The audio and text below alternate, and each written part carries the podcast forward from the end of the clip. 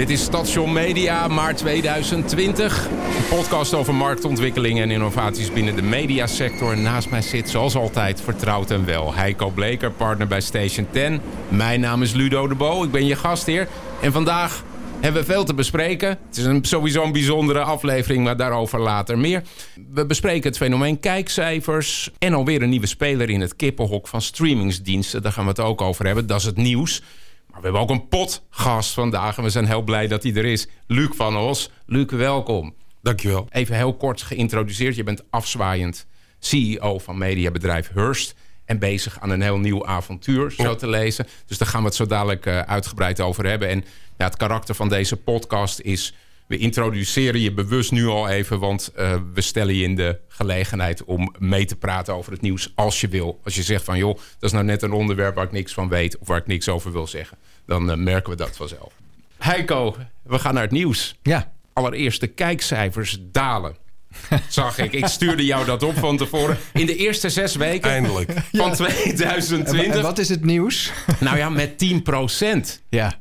Dat, dat is wel heel veel. Ja. In de eerste zes weken. Ja. ja, dat klopt. Ja. Oké, okay, maar, maar is, is dat Ja. zorgelijk? Of, uh, Ja, maar dat oké. is al tijden zorgelijk. En eh, wat je nu eindelijk ziet, en overigens, dat, eh, dat zal ik daar even over vertellen, maar de, de, het ziet er namelijk weer heel goed uit. Dat gaat eh, ook elk televisiebedrijf eh, op dit moment zeggen. Mhm. Dit is natuurlijk al wat er heel lang aan zit te komen. En eh, eh, eind vorig jaar heb ik diverse mensen gesproken die echt zeiden van nou, eh, ik zit met samengeknepen billen eh, te kijken van eh, hoe gaan die kijkcijfers zich ontwikkelen. En dat is echt met afstand het belangrijkste voor een televisiebedrijf voor dit jaar. Van, gaat de, zeg maar de, de oorlog die op dat streamingvlak plaatsvindt... en al die diensten die geïntroduceerd worden... wat gaat nou precies het effect zijn? En, ehm, eh, en dat is namelijk wat er aan de hand is. Dat is wat er nu gebeurt. Dat eh, mensen gaan eh, daar meer naar kijken. Ja, en eindelijk zie je het effect terug in de kijkcijfers. Ja, waar- waarbij toch ook mensen zeggen van ja, die kijkcijfers, dat is echt ook hopeloos ouderwets. Want ehm, 2000 man geloof ik hebben een kijkkastje of iets meer. Ja. En, eh, nou, die Kennen jullie iemand die zo'n kastje heeft? nee, jij, ken jij iemand? Nee. nee. nee. Nou, ik, ik ben, ben toch al twee- 53 jaar eh, op deze planeet in. Nederland. Je maar- schijnt het ook niet te mogen zeggen, toch? Als je er een hebt. Of niet op social te mogen Ja, aankomen. maar Maar, dat ik- moet toch uitlekken. Op een Ja. gegeven moment moet Ja. er iemand Ja. tegenkomen die zo'n kast heeft. ja. Ik ben twee keer gevraagd. Oh, echt Oké, waar? Wauw. Maar het was heel pijnlijk. Want eh nou, het was een eh, gesprekje en wilden ze allerlei dingen van me weten. En toen moest ik mijn leeftijd vertellen. Oh nee, u bent veel te oud. Echt waar? Tuurlijk. ja.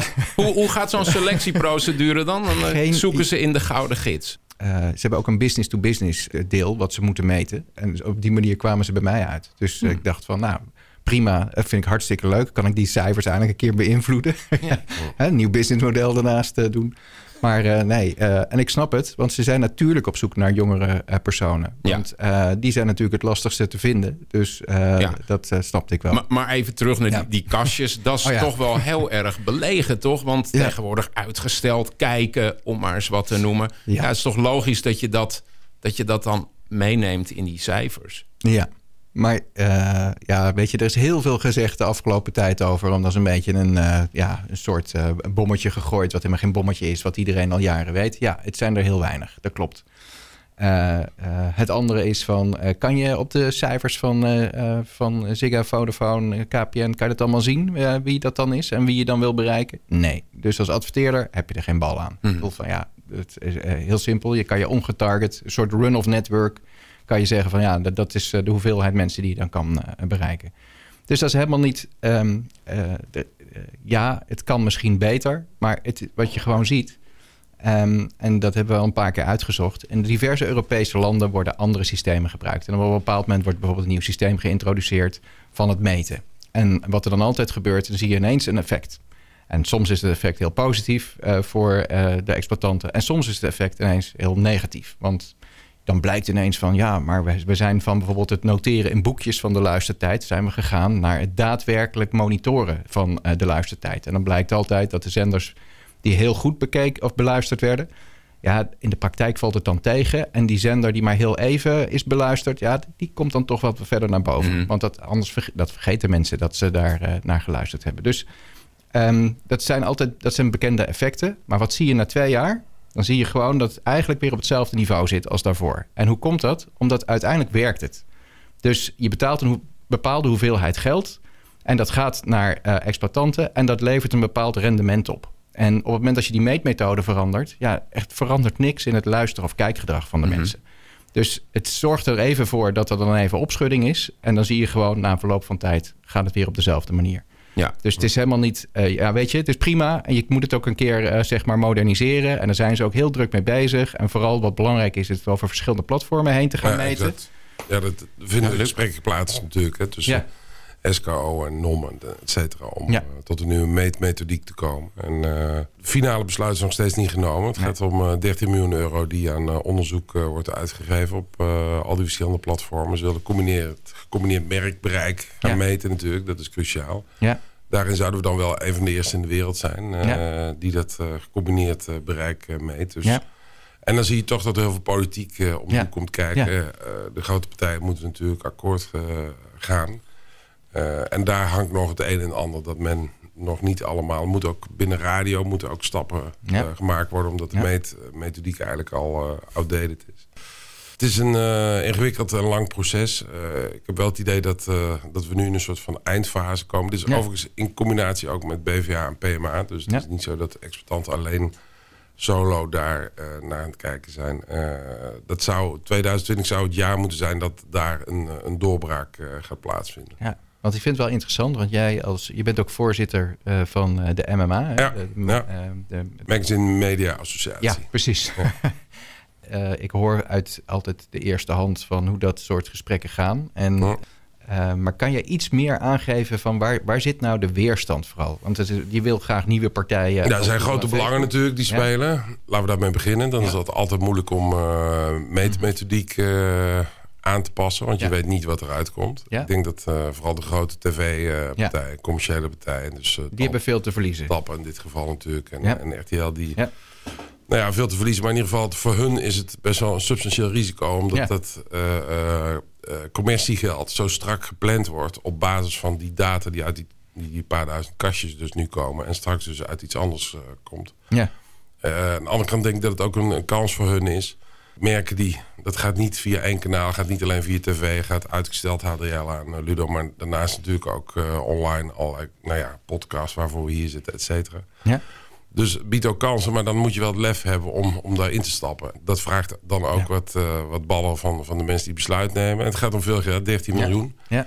Dus ja, uh, het, is, het is enerzijds lobbyen, maar anderzijds ook gewoon moeten mensen gewoon een knoop hakken en zeggen we gaan dat gewoon doen. Ja. Ja. Uh, en wie zei dat? Ja, dat zijn vier of vijf partijen natuurlijk. In dit geval DPG natuurlijk, die heel belangrijk is. Mediahuis. Ja. ja. Samen aan DPG straks één. Ja. Dus vanuit magazines spelen, uh, spreken ook een aantal partijen mee. Maar dat zijn kleinere partijen inmiddels in het speelveld. Ja. Uh, en daarnaast de Ster, uh, Talpa en, en RTL natuurlijk. Die, ja. ja. die allemaal op één lijn moeten zitten. En dat is ingewikkeld. Maar ik denk dat er geen ontkomen aan is. En ondertussen blijven de kijkcijfers dalen. ja. en, en ja, misschien komt het dichter bij de realiteit. Hè? Ja. Je bedoelt dat meten. En, nou ja, laten we dat niet omheen draaien. Ik bedoel, uh, en ieder weet dat, uh, dat, dat kijkers verschuiven naar streaming natuurlijk. Akkoord, ook uitgesteld kijken. Maar in ieder geval, uh, ik weet niet hoe het bij jullie thuis is... maar bij ons staat de tv echt toch wel wat, wat minder live aan. en dat zal in veel huishoudens het geval zijn.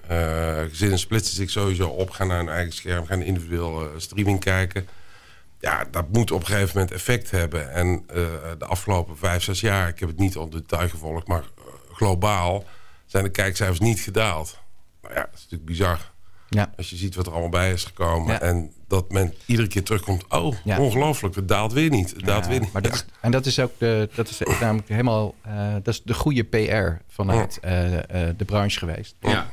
er zijn ongeveer um, een miljoen kijkers minder per maand. Ik bedoel van, uh, uh, het is echt, maar de gemiddelde kijktijd, zegt er zijn wel, en dat heeft er gewoon mee te maken dat we een vergrijzing hebben, dat de gemiddelde kijker is ouder geworden. Oh.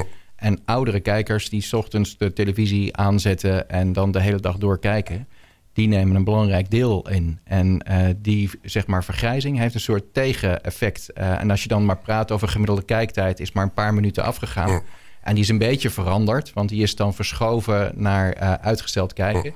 Ja, wat er niet in meegenomen wordt, is dat in ieder geval uh, altijd geprobeerd wordt natuurlijk om een beetje om, om de commercials heen, de, in ieder geval bij de publieke omroep te skippen. Ja, ja dat lukt niet bij de commercials. Nee, maar ja, iedereen weet, jonge mensen of boodschappers, die kun je natuurlijk nauwelijks nog bereiken via die kanalen. Dus, ja. maar het goede nieuws is, als je straks naar het eerste halfjaar gaat kijken van de kijkcijfers, prima gaat dat zijn. Want we hebben namelijk nog voetbal wat EK, ja komen Olympische Spelen aan. Dat is ietsje later, maar dus...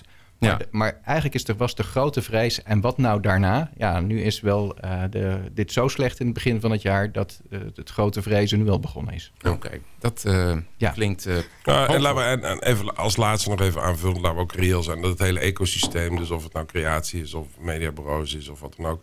alles is ingericht natuurlijk om dat geld naar tv te brengen daar drijven al die bedrijven op. Dus er zijn ook weinig mensen die erbij gebaat zijn. Van, weet je wat, we gaan dat geld eh, even allemaal in evenementen stoppen. Of we gaan het allemaal in uh, online stoppen. Ja. Ja. ja. Dus dat, uh, dat houdt het denk ik ook mede. Althans, dat heeft in ieder geval invloed, laat ik me voorzichtig uitdrukken. Er komt een nieuwe streamingsdienst aan. Peacock. Om even in, in deze sferen te blijven. Weer een nieuwe speler. Afgelopen maanden werd het aanbod van streamingsdiensten in Nederland groter al door de entree van Disney Plus en uh, Apple TV. Nou, we hadden natuurlijk al Netflix, Videoland, NLZ, Amazon, uh, et cetera. Maar goed, Peacock Free komt hier. Mogelijk here to stay. Gratis toegankelijk en het bevat advertenties. De dienst start met 7500 uur aan content. Met series als, mannen hou je vast, Law and Order, Chicago Fire en Frasier. Nou, dat back, back to the to the 80s, toch? Of niet? Uh, nou, zaten we daar met ja. z'n allen op te wachten, is de vraag. Heiko, eerst even aan jou. Zie je heil in zo'n uh, zo'n platform dat dus gedreven wordt door advertenties? Uh, wat prettig is voor sommige partijen, is dat, ze, dat dit niet hun core business is. Hè? Dat is het niet voor Amazon, dat is het niet voor Apple. dat is het ook ja. niet voor Disney natuurlijk. Die hebben allemaal andere inkomstenbronnen. En het is gewoon mooi om dit mee te nemen en ook te kijken van... Goh, kan, kan, ik dan meer uh, spulletjes verkopen uh, op uh, mijn website... of meer mensen mijn parken ook trekken en, en noem maar op.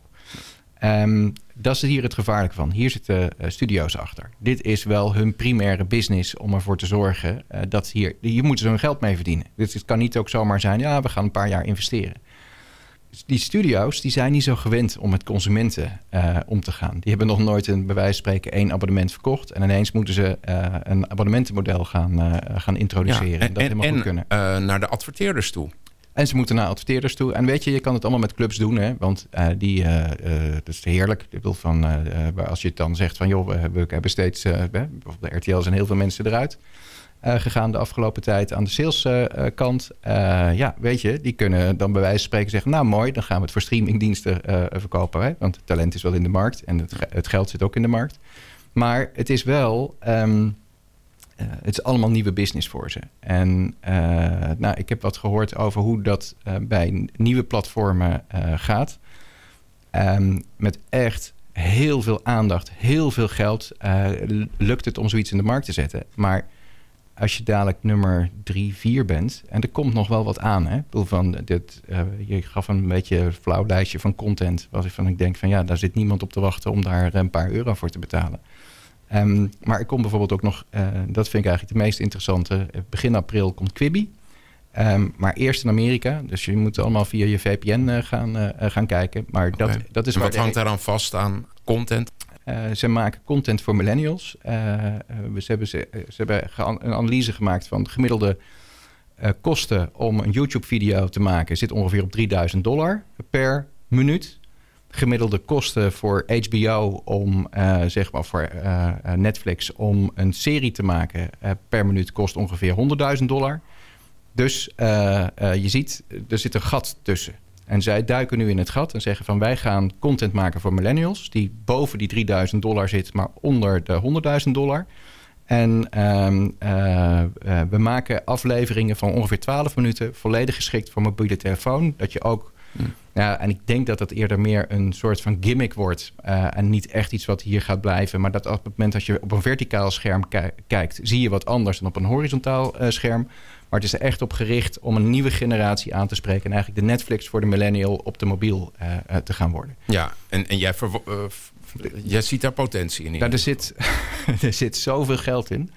Uh, bijna alle studio's hebben zich hier uh, als investeerder voor gemeld. Uh, dus iedereen wil hier gaantje meepikken. En het wordt geleid door Mac Whitman. Die heeft ooit eBay groot gemaakt. En daarna is ze naar HP gegaan. Dus dat is zeg maar de businesskant. En Jeffrey Katzenberg, die samen met Spielberg zeg maar DreamWorks heeft opgezet. Ja, dus je, zegt eigenlijk van, nou ja, je hebt expertise nodig natuurlijk. En een hele grote zak met geld. Wil je streamingsdienst. En talent. En dat hebben ze naar weten aan te trekken. Ja. ja.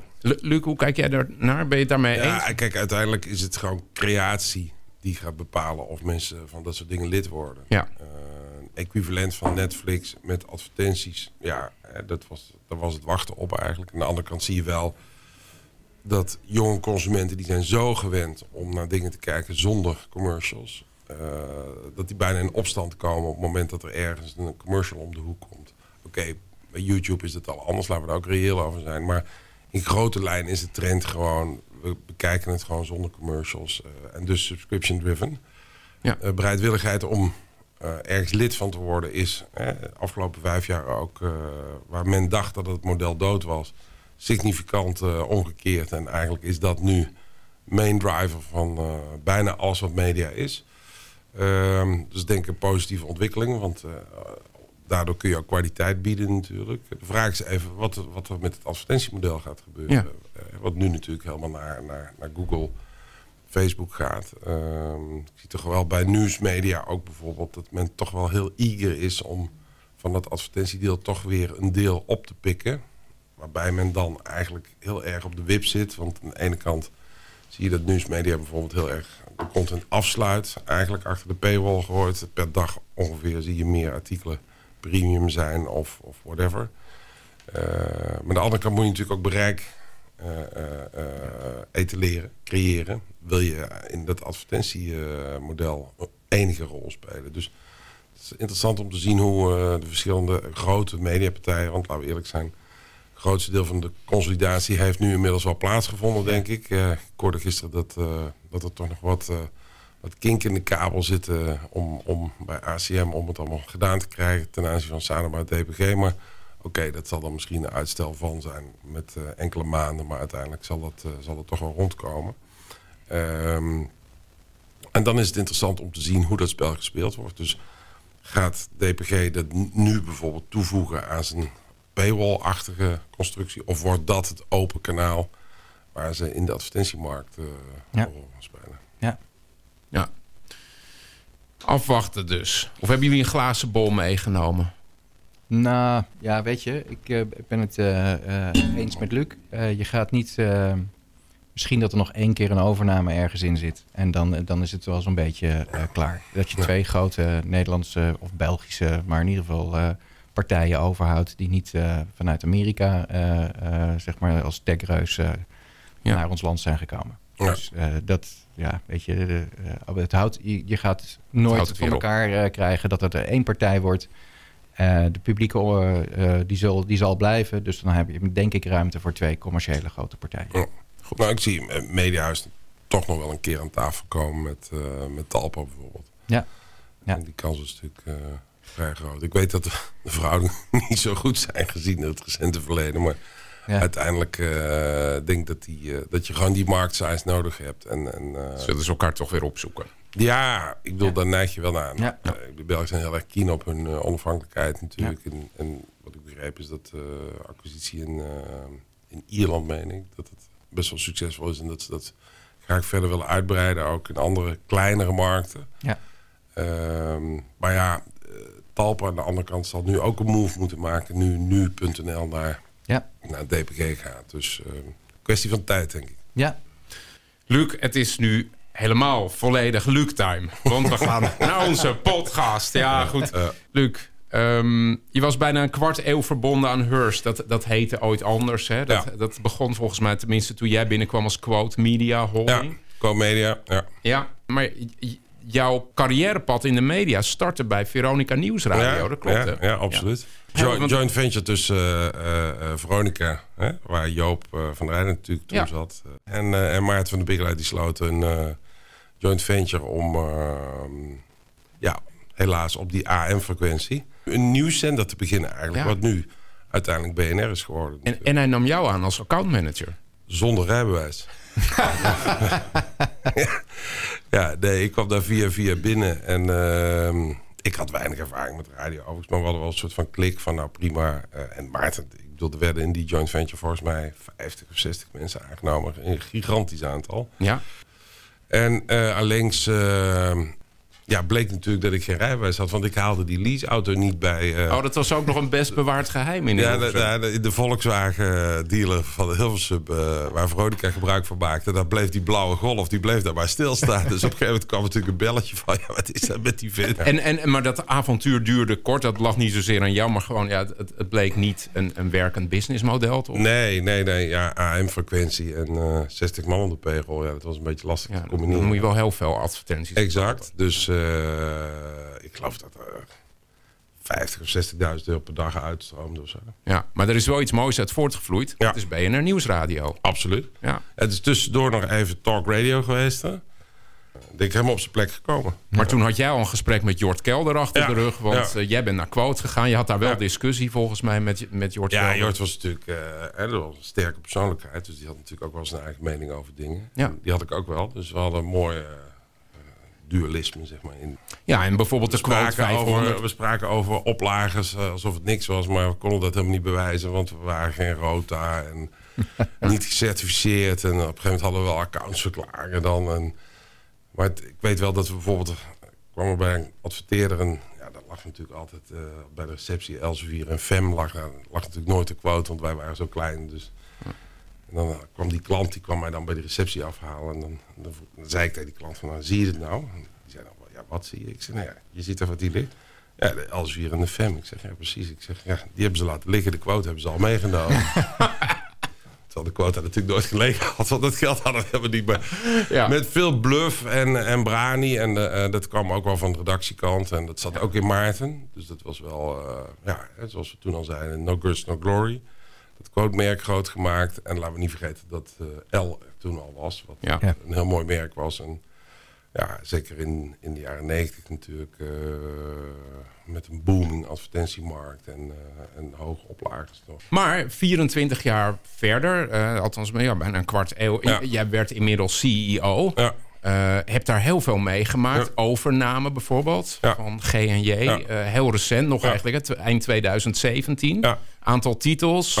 En inmiddels ben je afgezwaaid. Ja, ja nee, je, kijk, het is heel eenvoudig. Je zit in een consoliderende markt. Je moet een bepaalde afmeting hebben. We hadden het daar straks even over data en kennis. Nou, op verschillende vlakken moet je gewoon kennis kunnen inhuren.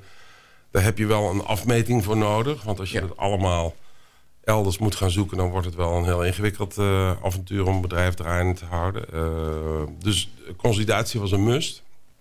Daar uh, stond Hearst op zich ook achter moet je nog realiseren dat we onderweg, dus dan heb je het over 13, 14, 15, uh, dat we enorme slagen nog gemaakt hebben om het bedrijf uh, digitaler te maken eigenlijk. Ja. Uh, toen wij fuseerden met, of de overname eigenlijk deden van GNJ, was 40% van de advertentieinkomsten van het initiële Hearst digitaal gedreven. Dus dat was best wel substantieel al. Ja. Ehm, dus die slagen hebben we ook nog gemaakt. En dat gaat ook met verandering van werkprocessen. Andere mensen binnenhalen. Helaas ook afscheid nemen van andere mensen. Uh, mensen minder tijd laten steken in het produceren van een maanblad. En meer tijd ook in het produceren van digitale ja, content. Digitale artikelen. Vind ik mooier. Uh, en uh, allengs bleek die consolidatie must eigenlijk gewoon steeds sterker te worden. En uh, erkende Hearst ook wel dat als in Nederland een sterk uh, ja, podium wilde behouden, dat, uh, dat gewoon naar acquisitie gekeken moest worden. En de GNJ kwam te komen, dat was een natural fit eigenlijk. Ja. Wel een beetje Ajax en Feyenoord over. Dus qua cultuur nog helemaal niet zo'n walkover. Uh, parallel daaraan uh, kocht Hearst in, in de US uh, Rodale, de moeder van Men's Health en Women's Health, wat wij al hadden, maar ook van Runners World en Bicycling, wat bij WPG zat. Dus dat ja. er ook nog bij zijn. Ook best sterke merken. Ehm, en dan op een gegeven moment staat zo'n geheel. En dan zie je in een markt die om je heen verder ook nog consolideert natuurlijk. Laten we dat niet uh, onder stoelen banken steken. Uh, Sanema was altijd al marktleider. En straks dan ineens in huis bij DPG. Nou, dan, dan heb je leuk consolidatiestappen zelf gemaakt. Maar om je heen is die markt alweer verder doorgeconsolideerd mhm. feitelijk. Ja. Ehm, en dan zie je dat, ehm, dat er ook op Europese schaal gewoon nog consolidatie kan plaatsvinden. En dan eigenlijk primair door die internationale merken op een veel hechtere manier te laten samenwerken. Ik zeg altijd, hier vanuit Amsterdam, als je eigenlijk een uur aan het vliegen bent... dan zitten er allerlei mensen ongeveer hetzelfde te doen als wat hier in Amsterdam gebeurt. Zonder verder in details te treden, maar je kunt je er iets bij voorstellen... als L overal uitkomt en Harper's Bazaar en Esquire en et cetera. Nou, als je daar met digitale mensen over spreekt... dan kijken ze je echt aan van, nou, het zal, het zal toch niet waar zijn? Nou ja, echt wel. Ja. Ik denk dat dat niet meer van deze tijd is. En ik denk dat je daar slagen in moet maken en ook ruimte moet creëren om al die andere kanalen te bedienen. En nou ja, we zitten hier dan in een podcast, goed voorbeeld. Ehm, ik denk dat het, eh, het, tempo van innovatie enorm aan toenemen is en dat je dus steeds sneller moet schakelen om die doelgroep, om die consument te volgen in al die andere kanalen die beschikbaar komen. Ja, want, want ehm, nou ja, jij, je hebt er 24 eh, jaar ruim op zitten daar. En, en is dat ook de, zou je het zo ook willen samenvatten, is dat de de grootste ontwikkeling geweest uh, ja, ik in denk de media? Het, uh, nou ja, ik denk tempo van innovatie. Ja. Dus wat enorm toeneemt. En ook wel de, de, de, de, de ruk eigenlijk van stilstaand beeld naar bewegend beeld. Dus waar wij Wanneer heeft die ruk plaatsgevonden, Luc? Nou, ik denk dat het al 10, 15 jaar geleden begonnen is. Dat er steeds meer dingen natuurlijk online ook met bewegend beeld zijn gaan werken. Ik zeg altijd plaatje tekst, prima, dat is de basis en dat moet je ook zeker zo houden. Alleen je moet gewoon schakelen op, op videovlak. en, uh, in, uh, en dat vergeten veel mensen. We zitten in een taalgebied van 17 miljoen mensen. Ja. Ik heb een tijd lang ook voor Hearst, uh, nou ja, zeg maar vanuit commissarissenrol toezichter in Duitsland gehad. Er zijn 103 miljoen Duits sprekende consumenten. Hè, omdat er dan natuurlijk nog een deel in Oostenrijk en Zwitserland zit. Dat is een volstrekt andere markt dan Nederland. Dus daar kun je dingen uh, veel langer, veel groter uitrollen. Wij zitten hier gewoon met 17 miljoen consumenten. Dus je moet heel reëel zijn. Dat, en we zitten uiteindelijk draaien we die bedrijven toch allemaal ook, ook om er een centrum aan over te houden, zeg maar, voor de aandeelhouder. Uh, althans, dat is wel het uitgangspunt. Ja, dan moet je gewoon op een hele efficiënte manier dat allemaal inrichten. Wij kunnen hier niet zomaar uh, een enorm videoplatform gaan vullen, want ja, daar ga je nooit een cent aan overhouden. Ja. Dus je moet het heel efficiënt doen en dan moet je heel reëel zijn dat je in die markt van 17 miljoen consumenten absoluut zelf content kunt produceren. Dat is ook een must. Maar dat je dus ook gebruik moet maken van uh, die videocontent die uit het buitenland beschikbaar komt. Ja. En dat is eigenlijk wat we nu op de streamingplatforms waar we het gesprek mee begonnen eigenlijk ook zien. Uh, onder druk dan van wetgeving, et cetera, worden dan ook Nederlandse series nu geproduceerd. Maar als die wetgevingen niet zo zijn, denk ik dat die streamingdiensten ook slim genoeg zijn om hè, in ieder geval om voor, vanwege het uh, lokale gevoel een aantal series lokaal te produceren. Maar 80, 90 procent zal natuurlijk toch gewoon uh, internationaal geproduceerd worden. Want dat, dat, dat gaat ook niet anders. Wat ik zo mooi vind, je hebt namelijk echt een hele uh, mooie ervaring natuurlijk van... want dat is het leuke, je kijkt, je kijkt in een breed perspectief. En je kijkt ook naar het internationale. Uh, van, uh, wat soms hier wel eens vergeten wordt van ja, we zitten in een klein taalgebied ja. uh, bijvoorbeeld. Um, als je nou kijkt, hè, en dat is ja, normaliter ons werk, maar stel je zou je collega ehm, CEO's van Nederlandse mediabedrijven, als je hen een advies zou willen kunnen uh-huh. geven op basis van jouw ervaring. Um, en wat je ziet, wat, wat, zou je, wat zou je hun adviseren? Wat zou je nou ja, zeggen, nou, zou, dat moet je gaan doen? Ja, ik zou, ik zou echt veel sneller de grens overgaan. Mm Kijk, uh, kijk naar de Belgen. Mm -hmm. hè? Die zijn ook uh, de grens overgegaan. En dat is alleen maar gedreven om uh, beter en hechter en efficiënter samen te werken. Ja. En inmiddels nemen ze ook alweer in volgende landen dingen over. Ja. We haalden Ierland aan, maar ik bedoel, Van Tilo zit natuurlijk ook in Denemarken gewoon. Ja. Als bijvangst bij Wegener. Hè, hoe knap is dat? Ja. Uh, natuurlijk zit daar een bepaalde subsidie achter. Hè. We kennen allemaal het postverhaal vanuit België, maar laten we dat even parkeren. Ja. En ik denk dat wij vanuit Nederland gewoon, ondanks het feit dat we een handelsvolk zijn... en dat we de talen spreken, et cetera... dat we ook veel sneller zelf de grens over moeten gaan. Uh, collega aanhouder van mij, Corjan Willig bijvoorbeeld... die nam die titels van Sanema over. Daar zat Knip bij. En die ging de grens over met die content van Knip, die natuurlijk zo internationaal is. Want dat zijn patronen in the end of the day. Ja. En die sloot een deal waarbij Knip in zeven landen tegelijk uh, uitgegeven werd. Nou, ja. Ehm, ik noem maar een dwarsstraat. Uh, VI uh, produceert natuurlijk heel veel voetbalcontent. En ik snap echt wel dat die mensen overal naartoe willen reizen. Maar ik zou veel hechter met collega voetbalplatforms samenwerken... om te kijken of je dingen kunt combineren. Data uitwisselen. Ja, en dat wordt dan snel gezegd... oh, oh dan kunnen we niet meer overal naartoe dus. Nee, uh, zo moet je het niet zien. Dan ga je efficiënter werken... waardoor je middelen en ruimte vrijmaakt... om zelf te kunnen innoveren en bijvoorbeeld veel meer te kunnen doen. Ze doen nu heel veel, heel knap met, uh, bij VI met podcast. Ja. Maar om veel meer met video te doen... Hè, of om uh, misschien meer rechten naar je toe te trekken... dat uh, de, het uitzenden van de Eredivisie calls niet bij het AD zit... maar dat het bij VI... Ik noem maar even ja. Ja. En ik denk dat, dat Nederlandse ondernemers zich heel erg richten op de Nederlandse markt. Terwijl ik denk dat ze moeten kijken... oké, wij zitten... We hebben expertise op een bepaald vlak. Wat kunnen wij internationaal nou beter doen? Ik noem maar een dwarsstraat Quest bijvoorbeeld. Even een stokpaardje die ik altijd had naar, naar Sanne ook althans een aantal keer aangehaald, is... kijk nou eens, er zijn een aantal, zeg maar Quest... die heten natuurlijk niet Quest, hè, want het is een Nederlands lokaal blad... maar er zijn een aantal van die merken in het buitenland... die doen niet zo heel veel anders dan jij. Tuurlijk is het tone of voice heel erg bepalend... maar dat kun je met eindredactie allemaal inrichten. Maar ga nou met die mensen spreken en kijk... En dan wordt snel gezegd, oh, wat wij aan content kunnen verkopen aan hun. Nee, helaas ook. Wat kunnen wij aan content gebruiken uh, uit andere landen? En dat is natuurlijk eigenlijk de basis ook waarop Netflix en al die andere platforms gebouwd zijn. Ja. Uh, en ik denk dat wij als Nederland gewoon heel snel moeten opschakelen op dat vlak. Omdat we anders, uh, nou ja, dan wordt het er niet makkelijker op. Ik het uh, licht positief. ja, herken je dat Heiko? Schaalgrootte, ehm, daar wordt nog maar mondjesmaat aan gedaan in Nederland? Ja, ik moet echt lachen. Want ik moest meteen denken, ik had gisteren een, een oud collega van, van je aan de lijn.